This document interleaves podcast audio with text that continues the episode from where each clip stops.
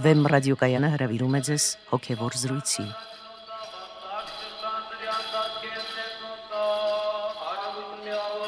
Սիրելի ունկնդիրներ, Վեմ ռադիոկայանի եթերում են արժանապատիվ Տեր Մեսրոպ Կահանա Արամյանը եւ Արա Սարգսակ Նալչաջյանը։ Այսօր մեր զրույցը վերաբերում է ընտրյալ ազգ հասկացությանը։ Օրհնեցեք Տեր հայր։ Աստված օրհնի։ Տեր հայր, առօրյայում հաճախ է առիթ լինում լսելու ընտրյալ ազգ հասկացությունը եւ Սուրբ Գիրքն ինքը բավական հաճախ նույնպես գործածում է այս արտահայտությունը։ Կան արդյոք ընտրյալ ազգեր կամ ինչ է նշանակում լինել ընտրյալ ազգ։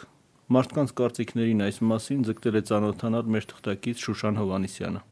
Ձեր կարծիքով ընտրյալ ազգեր գոյություն ունեն։ Էթնիկական խումբ, էթնիկական խումբը ընտրյալ լինում են։ Օրինակներ կարող եք վերել։ Մեր ազգը, մեր ազգը ընտրյալ ազգ է, մենք արիական ցեղ ենք։ Ինչպիսի չափանիշներ պետք է ունենա ազգը, որպեսզի նրան համարեք ընտրյալ։ տեսանկյունից առաջինը կան սպառող ազգեր եւ կան ստեղծագործող ազգեր, պետք է ստեղծագործող լինեն։ Ամեն ինչ իրենց համար պատճառաբանված լինի, այսինքն պատմությունը զուտ հիշելու համար պետք չէ։ Պատմությունը պետք է լինի պատճառաբանված, պատմությունը պետք է լինի դասեր քաղելու եւ ասենք ինչ որ ապագան ծրագրավորելու մի պատմություն։ Ձեր կարծիքով ընտրյալ ազգերգոյությունն են թե ոչ։ Ում կողմից ընտրյալ։ Աստծո։ Իհարկե ունեն։ Օրինակներ կարող եք վերել։ Օրինակներ հрьяաները։ Օրինակ գիտեք, ասենք, ինչու Աստված ընտրեց, որ Հիսուսը հрьяաց ընտրել, որովհետև այդ ժամանակներում հрьяաները ամենա, ասենց, մեղմ ասած ամենավատ ազգն էին, որ կողքի ազգերը տեսնեն, որ հрьяաների նման վատ ազգն ա ուղվում ու օրինակ վերցնեն։ Իսկ ձեր կարծիքով ինչպեսին պետք է լինի ազգը, որ դուք համարեք ընտրյալ։ Չգիտեմ, դժվար անում եմ ձեր հարցին պատասխանել պատասխանեմ։ Ձեր կարծիքով ընտրյալ ազգեր գոյություն ունեն։ ով որ Հիսուսի ճանապարհով է գնում են անտրյալ ազգ։ Օրինակ, Օրինակ հենց հայերը։ իսկ շափանիշը որն է։ Չափանիշը հավատքն է։ Ճշմարիտ հավատք առ Աստված, դրանից են կողմ ոչինչ չեմ ամ։ Պետքա հավատք ունենաս առ Աստված, լրի մաքուր սրտով, որ ընտրյալ լինես։ Ձեր կարծիքով ընտրյալ ազգեր գոյություն ունեն։ Ոչ, Կարող եք բացատրել թե ինչու։ բոլոր ժողովուրդն հասարակ մարդիկ են։ Կան ազգեր, որոնք մի քիչ թեկում ունեն, ուժեղ են, այսպես ասած, արվեստի տեսակետից, ուրիշները գիտության տեսակետից, դա արդեն կախված է ոնց է զարգացել ազգը։ Ուրիշ բան կարելի է մի ազգ ավելի շատ սիրել, քան ուրիշ ազգերը։ Եթե դասակարգելու լինենք այս արտահայտված կարծիքները, ապա կարելի է նշել հետևյալը. որևէ ազգ ընտրյալ չէ, ընտրյալ է հայ ազգը, ընտրյալ է հրեա ազգը, ընտրյալ է այն ազգը, որը պահում է Քրիստոսի պատվիրանները։ Արտահայտված այս գաղափարներից որ մասը կընտրեիք Տեր հայր եւ որը կմերժեիք։ Գալով ընտրյալ ազգ լինելու հասկացողությանը նախ մենք պետք է հասկանանք, երբ որ ասում ենք ընտրյալ, ինչ մենք նկատի ունենք։ Այդ ընտրյալ լինելը ըստ ինչ որ գենետիկ հանգամանքների է, թե ըստ ինչ որ առաքինությունների է։ Որտեվ Սուրբ գրքում ճիշտ է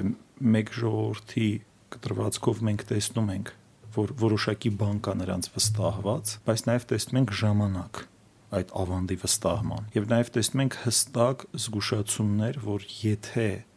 իրենք չպահպանեն իրենց հավատարմությունը Աստծո նկատմամբ, ապա իրենք կարող են շատ դյուրությամբ կորցնել այդ ընտրյալ լինելու հանգամանքը։ Բայց խոսքը հрьяաների մասին է։ Եվ նաև տեսնում ենք, որ այդ ընտրյալ լինելը մեծապես կախված է աստվածահաճո լինելուց այսինքն որ դա նախ եւ առաջ հավատքի ընտրություն է այսինքն նրանց նախահայրը Աբ รา համը հավատաց եւ դա նրա համար համարվեց արդարություն եւ հենց Աբ รา համի հավատքի հիման վրա է որ որոշակի ընտրություն է կատարվում այսինքն ենթադրելով որ այդ Աբ รา համի հավատքի այդ զորությունը այդ զորավոր հավատք առ Աստված պետք է շարունակություն ունենա Իսրայելի ժողովրդի մեջ, որովհետև նույնիսկ Աբ รา համը պատրաստ էր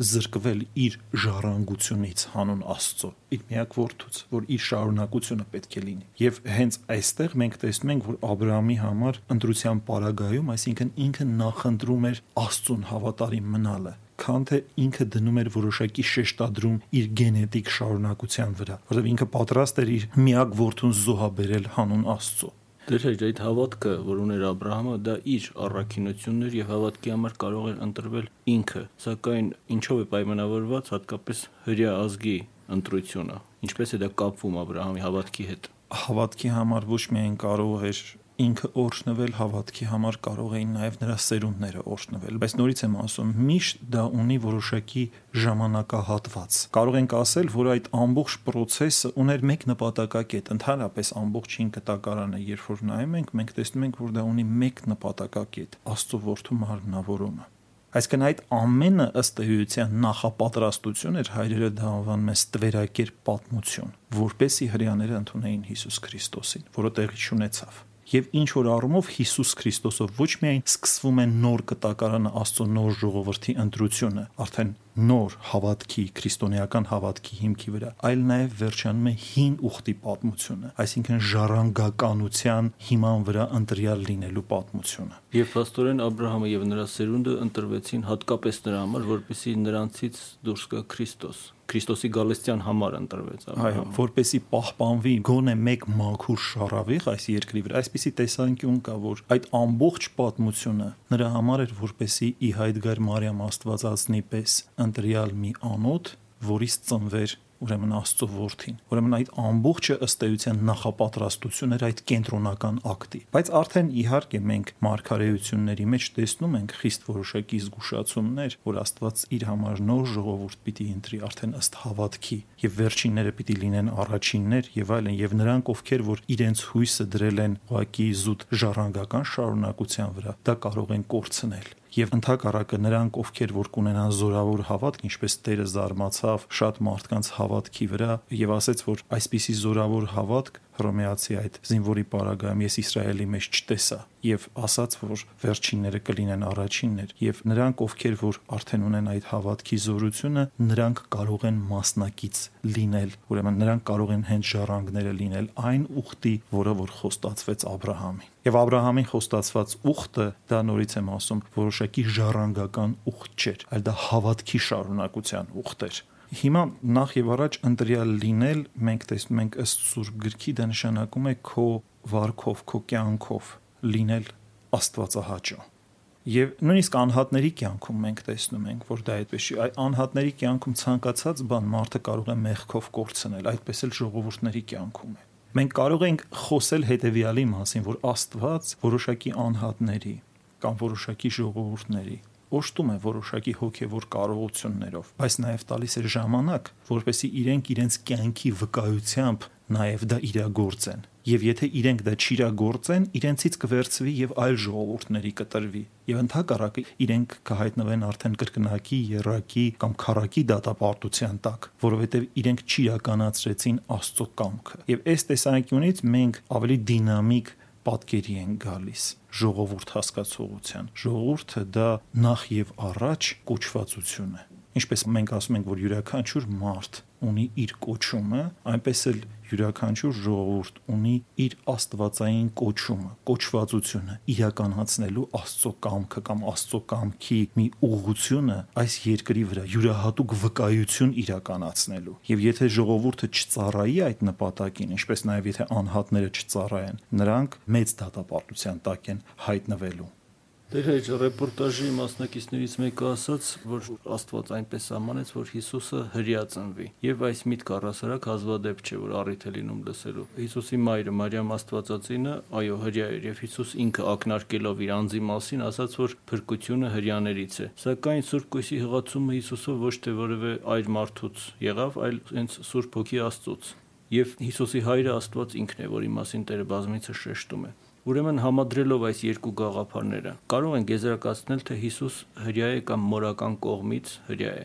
Նախ մենք Մատթեոսի ավետարանի սկզբում, երբ որ նայում ենք Հիսուս Քրիստոսի ծննդաբանությանը, մենք տեսնում ենք, որ այդտեղ ծննդաբանություն տարօրինակ կերպով մորական կողմը չի ներկայացնում, այլ ներկայացնում է հայրական կողմը։ Սա շատ հետաքրքրական է, ցույց տալով, որ նաև հայրական հասցե ինքը ճունի այս երկրի վրա բայց տալիս է որոշակի ժառանգականություն, որպեսի մենք Հիսուս Քրիստոսին երկրավոր իրողության, երկրավոր ժառանգականության հետ չկապենք, այլ հասկանանք, որ կա հոգու ժառանգականություն եւ հասկանանք, որ ուղակի այստեղ գենետիկ բանի մասին խոսք լինել չի կարող։ Այսինքն կա հավատքի նախապատրաստություն սերնդե սերունդ Աստված ինչ որ մի գիծ է պատրաստում, արթարների ինչ որ մի գիծ ունի Աստված։ Եվ այդ ամբողջ լրումը, այդ 5 կտակարանի ամբողջ լրումը տեղի է ունենում Հիսուս Քրիստոսով։ Եվ ուշագրավ է, որ հենց հոր կողմի ծննդաբանությունն է ներկայացնում եւ ոչ թե մոր կողմի։ Իսկ Մարիամ Աստվածածինը ուղակի այն ընտրյալ անոթն էր, որը նախապատրաստվեց այդ հարյուրամյակներով, հազարամյակներով Քրիստոսով, որպեսի կարողանա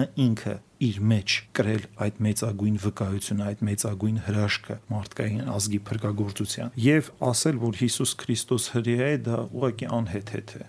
որովհետև մենք նախ եւ առաջ Սուրբ գրքում ասում է Հիսուս Քրիստոս երեք այսօր նույն եւ հավիտյան, այսինքն նախ Հիսուս Քրիստոս բանն Աստված ինքը անժամանակ ծնունդն է, հոր, այսինքն բոլոր հավիտյաններից առաջ ժամանակից դուրս լույս է լույսից, Աստված է Աստծուց, ճշմարիտ Աստված է ճշմարիտ Աստծուց եւ ինքը ինչ որ երկրավոր ծնունդ չէ, այսինքն ինքը ինչ որ մարդկային փոխհարաբերությունների արդյունք չէ, այլ աստվածային հardուկ ներգործությամբ նաև ժամանակի մեջ ինքը ծնվում է որպես մարդ, բայց որպես մարդ իր մեջ խտացնելով այն լավագույնը այն բյուրեղյան, որ կար մարդկային ազգի մեջ առհասարակ, որը կարող էր ընդհանրապես մի ազգ դարեր շարունակ տկնել, տարապել, որպեսի կարողանա մի այդպիսի անհատ ձևավորի, որի մեջ բովանդակվի անբովանդակելի։ Եվ այս առումով մենք չենք կարող այստեղ մարդկային սոսկ իրողության կամ ժառանգականության մասին խոսել, բացի հավատքի ժառանգականությունից այսինքն որ Հիսուս Քրիստոսով մեզ տրված է ուրիշ ժառանգականություն այս երկրի վրա եւ դա այն մարդկային ժառանգականությունը չի որ մենք տեսնում ենք այլ դա հոգեվոր ժառանգականություն է եւ ինչ որ առումով եթե կարելի է ասել Հիսուս Քրիստոսով հենց եզրափակվում է այդ դարաշրջանը, այսինքն հին ուխտի դարաշրջանը, եւ կարելի է ասել, որ Հիսուս Քրիստոսով եզրափակվում է հրեականությունը որպես այդպիսին, այսինքն ավարտվում է հին ուխտը եւ սկսվում է նոր կտականը, եւ դա է շարունակությունը, այսինքն տրվում է մարդկության լրիվ նոր սկիզբ եւ ինքը սկիզբների սկիզբն է, այսինքն նույնիսկ եթե մենք փորձելու լինենք հասկանանք հրեական պատմությունը, մենք ոչ թե արարչագործությունից պետք է գանք մինչև Հիսուս Քրիստոս, այլ Հիսուս Քրիստոսից պետք է հետ գնանք եւ տեսնենք արդեն թե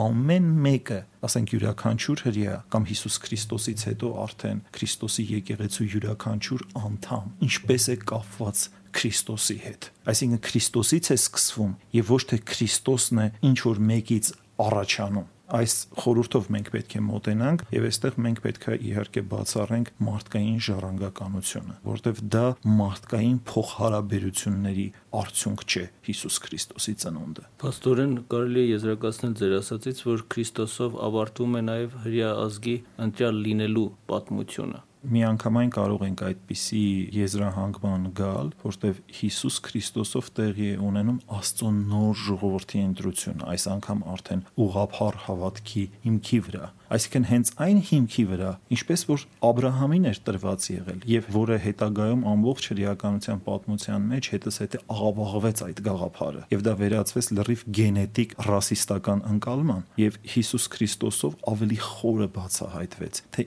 ինչ է նշանակում Աստծո ժողովուրդ լինելը իրականության մեջ մենք եթե նայում ենք նորից 5 տակարանի վրա մենք նորից այդպես ռասիստական պատկեր չենք տեսնում այնտեղ, այնտեղ կա Աստծո ժողովուրդ հասկացողությունը որին վստահված է որոշակի ուխտ։ Այդ առիթով մի դեպքի մասին եմ ուզում հիշել, ԶԼՄ-ները մի քանի օր առաջ հաղորդեցին մի դեպքի մասին, թե ինչպես վերջերս մի հрья թքել էր խաչի վրա, որը քրիստոնեության գերագույն խորհրդանիշն է, եւ թքել էր խաչը անարգելու համար։ Եվ Երուսաղեմի հայոց պատրիարքությունում ծառայող հոգևորականներից մեկը Նուրհան Սրբազան եպիսկոպոսը բարոյական նկատառումով ապտակել էր նրան այդ սրբապիղ ծառայքի համար։ Եվ նման վերաբերմունքը բացառիկ դեպք չէ հрьяաների կողմից։ Միթե ընդ Մոնտրեալ ազգի ներկայացուցիչները այդպիսի արարքներ են գործում։ Մանավանդ որ նմանատիպ մի դիրքորոշման դեպքում Քրիստոս ինքը ասաց, որ դուք Աբ รา համի ворթիները չեք, որովհետև եթե Աբ รา համի ворթիներ լինեիք, Աբ รา համի գործերը պիտի գործեիք։ Իսկ Աբ รา համը այդպիսի բան չարեց։ Նա նկատի ուներ այն, որ հрьяները ուզում էին սպանել իրեն։ Եվ հիմա այս դեպքում տեսնում ենք նմանատիպ, ասենք, վերաբերմունք խաչի հանդեպ այդ վերաբերմունքը իրականության մեջ խաչի նկատմամբ չէ, այդ վերաբերմունքը Հիսուս Քրիստոսի նկատմամբ է, որը այսօր այդ ֆանատիկ հрьяաների համար համար առաջի ատելի անձն է եւ իրենք դրանով արտահայտում են իրենց ատելությունը Հիսուս Քրիստոսի նկատմամբ։ Եվ ցավոք սրտի սա իհարկե շատ մի տհաճ իրողություն է, որ այսօր կամ մի ժողովուրդ, որը իր մտաղ սերնդին կրթում է համընդհանուր ատելության հոգով, ընդհանրապես մնացած բոլոր ժողովուրդները։ Եվ այս մասին պետք է բարձրաձայն խոսվի, սա շատ վտանգավոր բան է։ Մենք այս վերջի օրերին ավելի շատ մեր ԶԼՄ-ների ուշադրությունը հրավիրված էր Եհովայի վկաների գրանցման վրա, բայց ես կարծում եմ, որ այս փաստը շատ ավելի ծանր փաստ է եւ այս մասին պետք է խոսվի։ Բանը նրանումն է, որ սա նոր դեպք չէ, նոր երևույթ չէ։ Ընդհանրապես հոգեվորականների վրա թքելը այնտեղ շատ տարածված երևույթ է։ Ես ինքս եմ դրան ականատես եղել, երբ որ ուխտաբար գնացել էի Երուսաղեմ, ոչ միայն թքելը, օթանավականից սկսած հոգեվորականների շորերը հանելը, ծաղրելը եւ ցուցադրաբար հատուկ կերպով են դա անում, որպեսի անարգեն քրիստոնեական կրոնը։ Ասենք դա ուղակի սիստեմային հաճույքի է նրանց մոտ վերածված։ Իսկ երեխաներին ուղակի կրթում են այդ հոգով, այսինքն երեխան, որը անցնում է քրիստոնյա հոգեվորականի կողքով, պետք է անպայման թքի նրա վրա, այսինքն դա համարվում է, այսպես ասած, հրեական դաստիարակության հիմնական տարրերից մեկը։ Եվ մենք այսօր տեսնում ենք, որ մի ամբողջ սերունդ կարող է դաստիարակվել ատելության հիմքի վրա տոտալ ատելություն ընդհանրապես մնացած բոլոր ժողովուրդների եւ հատկապես քրիստոնեության որովհետև հենց քրիստոնեությունն էր, որ ցույց տվեց հрья հասկացողության այն սիստեմատիկ սխալները, որ դարեր շարունակ կուտակվել էին, եւ ցույց տվեց, թե ինչ է նշանակում արդեն ճշմարտապես Աբ รา համի որդի լինել։ Եվ այդ մենաշնորը մեղմ ասած նրանց վրայից վերցվեց։ Եվ այդ իսկ պատճառով Հիսուս Քրիստոս դարձել է ամենաատելի անձը նրանց համար։ Եվ իրենք իրենց ատելությունը այդպես են ցուցաբերում։ Բայց ես ուզում եմ ասել, գրեթե այսպես կամ այնպես, այնտեղ Երուսաղեմում բոլոր հոգևորականներն են այդ այդպիսի ծաղրուցանակի արժանանում սկսած պատրիարքներից ունած պատրիարքն էլ վկայեց, որ իր երեսին են անգամ թքել եւ շատ հաճախակի է սա տեղի ունենում։ Իհարկե այս դեպքը արտառոց է նրանով, որ ուղակի Սուրբ Խաչի վրա է այդ այլանդակությունը տեղի ունեցել եւ բնականաբար սա պետք է շարժեր հոգեվորականների զայրույթը եւ միանգամայն այստեղ իրավացի է Նուրհան Սրբազանի դիրքորոշումը, որտեղ արդեն այստեղ ոչ թե անձի անարգում է գնում, այլ գնում է սրբության անարգում։ Եվ ես կարծում եմ, որ աշխարի բոլոր քրիստոնյաները, ընդհանրապես բոլոր քաղաքակիրթ մարդիկ պետք է ըստ արժանվույն դատապարտեն սա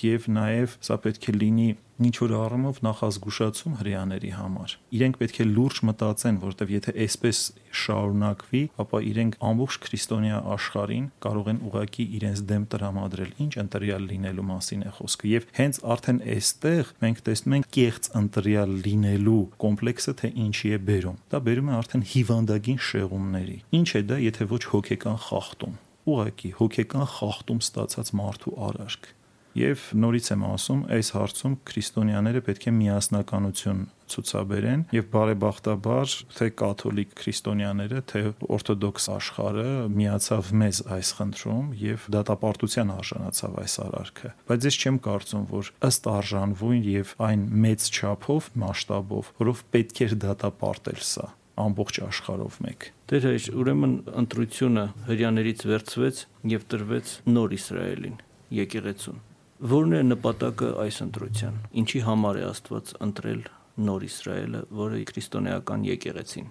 Ինչպես արդեն ասեցի, պատմականորեն մենք տեսնում ենք, որ ընտրություն հասկացողությունը կապված է նախ Աստծո ուխտի հասկացողության հետ, Աստծո ժողովուրդ հասկացողության հետ, եւ սա էապես կապված է Աստծո գործը երկրի վրա կատարելու, նրա առաքինությունը իրականացնելու հետ։ Եվ այս առումով արդեն փրկagorցությունը կամ Աստծո որդու գալուստը պահանջում է նոր ժողովուրդ։ Արդեն դրա միտումը մենք տեսնում ենք հին ուխտում ինչպես է մարգարեությունների մեջ բազմիցս շեշտվում, որ ոչ թե զոհ եմ կամենում, այլ ողորմություն, որ Աստված ասում է, որ ես զզվել եմ ձեր ողջակեզներից, ձեր խունկերից եւ այլն, այսինքն նոր սիրտ է Աստված պահանջում եւ նոր ժողովուրդ է պահանջում իր ուխտի համար։ Եվ դրա ամբողջ կեղծիքը արդեն հին ուխտի ամբողջ կեղծիքը մենք տեսնում ենք փարիսեցիների այդ կեղծավորության մեջ եւ ամեն անգամ Տերը շեշտում էր ասում էր որ եթե ձեր արդարությունը չլինի ավելին քան փարիսեցիների եւ դպիրների արդարությունը չեք կարող մտնել երկնքի արքայություն այսինքն ձևական օրինապահությունը այլևս սպառել էր իրեն Այսինքն մարդու մեջ պետք է տեղի ունենար մի շատ կարևոր ներքին փոփոխություն, այլ կերպ ասած, այդ երկնքի արխայություն հասկացողությունը պետք է դառնար ներքին իրողություն, որտեղ արդեն Աստված մարդացել էր։ Այդ անսահմանելի հերավորը դարձել էր անընդմիջելի մերզավոր մարդկանց համար, եւ դա արդեն պահանջում էր նոր սկիզբ, այդ ներքին իրողության լիակատար ինքնագիտակցում եւ դրա առաքելության շարունակություն արդեն մարդկային կյանքի մեջ։ Եվ դրա համար նորից ու նորից պետք է վերանորոգվեր նախ Աբրահամի ուխտը,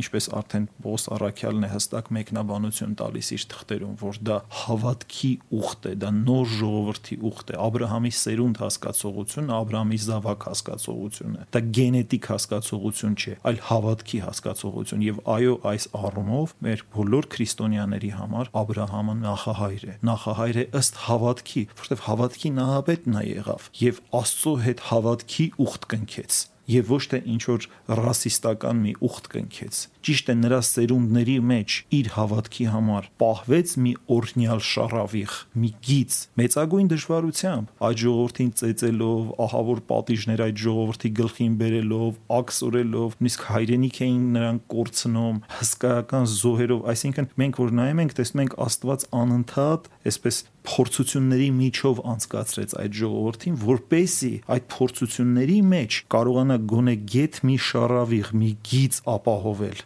իր որդու Գալստյան համար։ Ես կուզենայի ընթերցել Սուրբ Գրային այդ հատվածը Պողոս Առաքյալի թղթից ուղված գաղատացիներին։ Ասում է. Դուք բոլորդ, որի Քրիստոս մկրտվեցիք, Քրիստոսով զգեստավորվեցիք ուրեմն խտրություն չկա ոչ հрьяի, ոչ հեթանոսի միջև, ոչ ծառայի եւ ոչ ազատի, ոչ արուի եւ ոչ էքի, որովհետեւ դուք ամենքդ մեկ եք՝ ի Քրիստոս Հիսուս։ Իսկ եթե դուք Քրիստոսինն եք, ուրեմն Աբրահամի սերունդ եք, ժառանգներ ըստ խոստման։ Ուրեմն մենք տեսնում ենք այս խոսքերից նաև, որ Աբրահամի սերունդ հասկացողությունը արդեն էապես կապված է Հիսուս Քրիստոսի խորհրդի հետ եւ առանց Քրիստոսի խորհրդի, առանց ի Քրիստոս նորովի ծնվելու հնարավոր չէ Աբ รา համի որդի լինել։ Ուրեմն նշանակում է, որ Աբ รา համի որդի հասկացողությունը ունեցել է իր ստվերակերպ պատմությունը, դա ըստ էության նախապատրաստություն է եղել ընդհանեն նախապատրաստություն, որպեսի Քրիստոսը գար։ Երբ որ Քրիստոս եկավ արդեն եւ տրվեց մեզ հավատքի կատարյալ ճշմարտությունը, այդ ժամանակ նոր կատարելապես իրագործելի եղավ Աբ รา համի սերունդ հասկացողությունը եւ ինչպես հին ուխտի արթարներն էին, ասենք դժողքում սпасում Հիսուս Քրիստոսին, որոնց ազատագրեց Քրիստոս, այնպես էլ այդ ժամանակվա մարդիկ եւ գալիք սերունդները, բայց Քրիստոսով է տրված այս ճշմարտությունը։ Այլ կերպ ասած, Քրիստոսի երբ որ լույսը բացվեց, ինքը պատմության եւ նախընթաց ընթացքը լուսավորեց եւ ապագան լուսավորեց։ Այստեղ ես նաև ուզում եմ անդրադառնալ այն կարծիքին, երկու անգամ հնչեց եւ սա շատ է հարցարցվում, որ մենք ընտրյալ ժողովուրդ ենք հայերս։ Եվ ասվեց, որ մենք արիական ազգ ենք։ Ինչ է դա նշանակում։ Ես ճիշտ ասած չեմ ուզում այս տեսությունը զարգացնել արիական այդ անկապ տեսությունը, որ շատ պոպուլյար էր ֆաշիստական Գերմանիայում եւ այլն, որովհետեւ այդ տեսությունը իհարկե ունի շատ թույլ կողմեր։ Այդ տեսության միակ ռացիոնալ հատիկը այն է, որ մենք այդ ցեղերը նույն հնդեվրոպական լեզվով են խոսում եւ այլն, բայց իրենց նույնիսկ գենետիկ կառուցվածքով իրենք իրարից շատ տարբեր են։ Հնդեվրոպական լեզվաընտանիքին պատկանելով իրենք ունեն կառուցվածքային շատ մեծ տարբերություններ եւ այլն։ Ես ավելի շատ կուզենայի, որ այդ ընտրյալ լինելու հանգամանքը մենք դիտեինք ջրհեղեղից հետո պատմության սկիզբով, նոյով եւ ընդհանրապես այն ամենը ինչ որ կապված է մեր երկրի հետ, նախ դրախտի տեղակայումով, հետո ուրեմն Նոյան տապանի իջնելով Արարատի վրա եւ նաեւ այդ Թորգոմի տուն հասկացողությունը, որից հետո արդեն այդ հայկյան իմպուլսը ինչի դեմ հայկը պայքարեց եւ ինչ հոգեվոր ժառանգականություն դրեց ի վերջո հայկի պայքարը մենք բազմիցս այս շեշտել ենք, որ դա Աստծուն հավատարիմ մնալու պայքար էր, այսինքն ինքը ընդվզեց այդ բաբելոնյան աշտարակաշինության աստվածամարտ ծրագրի դեմ եւ վերադարձավ դեպի իր նախնյաց ակունքները, ճշմարիտ աստվածպաշտությունը։ Նախնյաց այսինքն ում նոյի նոյից այդքան շատ ժամանակ չէր անցել եւ իր հետ գալու մեջ հստակ ցուցում կա, այսինքն Մովսես Խորենացին ասում է, որ դեպի ուր եկավ այնտեղ, որտեղ մնացել էին առաջի ջրհեղեղից մարդիկ, որոնք չէին մասնակցել Բաբելոնյան աշտարակաշինությանը եւ ինքը այդտեղ անվանեց հայրերի երկիր պատական չէր կարող ինքը այդտեղ հայրերի երկիր անվանել։ Նշանակում է այդտեղ էին ապրել նախահայրերը եւ այդտեղ հստակ ցուցում կա, որ նաև ինքը վերադարձավ դեպի իր նախնյաց պաշտամունքը ճշմարիտ Աստված պաշտությունը եւ նաեւ դեպի այն լեզուն, որով խոսել էր Նոյը որովհետև այդ մարդիկ, ովքեր որ այդտեղ էին, նրանք չէին մասնակցել բաբելոնյան աշտարակաշինությանը, այսինքն լեզուների բաժանումին նրանք չէին մասնակցել։ Ի վերջո մենք հայկի այս իմպուլսի մեջ տեսնում ենք ճշմարիտ Աստվածպաշտության որոշակի շարունակություն, որը արդեն ի հայտ է գալիս քրիստոնեության ընդունումով, այսինքն մենք որպես ժողովուրդ առաջինը ընդունեցին քրիստոնեությունը եւ շատ զարմանալի գործեր են մեր ժողովրդի կյանքում կատարվել։ Բայց նորից, եթե մենք գալիս ենք դեպի այն պատկերը, որ Աստծո ընտրյալ ժողովուրդ լինելը նշանակ նշանակում է Աստծո կամքի իրականացում, այսինքն քո վրա դրված է որոշակի առաքելություն եւ դու այդ առաքելությունը պիտի իրականացնես։ Ուրեմն նշանակում է մենք ազգովի պետք է հասկանանք, թե որն է մեր առաքելությունը եւ ինչ է նշանակում Աստվածահաճո լինել։ Այլապես նույնիսկ այն, որ մենք ինչ որ ձևով ընտրված ենք որպես առաջի քրիստոնյա ժողովուրդ եւ այլն, դա կարող է դառնալ մեծ դատապարտության առիթ մեզ համար։ Այսինքն դա պարզապես ինչ որ մի բան չի, որ տրվել է մի անգամ եւ մեկ ընդմիշտ, այլ դա կարող կարող է ուղակի մեղադրանք լինել մեր հասցեին, եթե մենք չիրագործենք Աստծո կամքը։ Իսկապես ինչ որ դուք նշեցիք, վերաբերում էր այն առանձնաշնորհումներին, որ Աստված տվել է հայ ազգին, բայց ինչ եզրակացություն անել դրանից, ինչ անել, ահա սա է խնդիրը, ինչպես ապրել։ Ինչպես ապրել, ուղակի նշանակում է պետք է քրիստոնյա լինել, այսինքն պետք է Աստծո կամքը մեր կյանքում իրականացնել։ Առանց դրա մենք ինչպես կարող ենք ինքներս մեզ համարել ընտրյալ երբ որ մենք այդ ընտրյալ լինելու հետ մեր ընտրության հետ ոչ մի հաղորդակցություն չունենք մենք պետք է կապ ունենանք մեր ընտրության հետ ասում է եթե Աբ รา համի որդիները լինեք Աբ รา համի գործերը պիտի գործեք եւ թերևս այս ամենը դեր պետք է դիտարկել համընդհանուր համաքրիստոնեական կոնտեքստում որովհետեւ Պետրոս Արաքյալը ընդհանուր բոլոր քրիստոնյաներին է ուղում խոսքը ասելով դուք ընտիր ցեղեք թակավորություն քահանայություն սուրբ ազգ աստծո սեփական ժողովուրդ որպեսի ձեր առաքինությունները նվիրեք նրան ով խավարից ձեզ կանչեց իր սքանչելի լույսին Այո։ Պաստորեն այստեղ խոսքը բոլոր քրիստոնյաների ընտրության մասին է, եկեղեցու ընտրության մասին է եւ նաեւ շեշտադրում է եկեղեցու հետագա վարքը այդ ընտրությունից հետո, ինչի մասին որ դուք արդեն շեշտեցիք։ Շնորհակալություն Տեր, թույլտվեք սրանով եզրափակել մեր այսօրվա զրույցը ընտրյալ ազգ հասկացության մասին։ Օրհնեցեք Տեր։ Աստված օրհնի։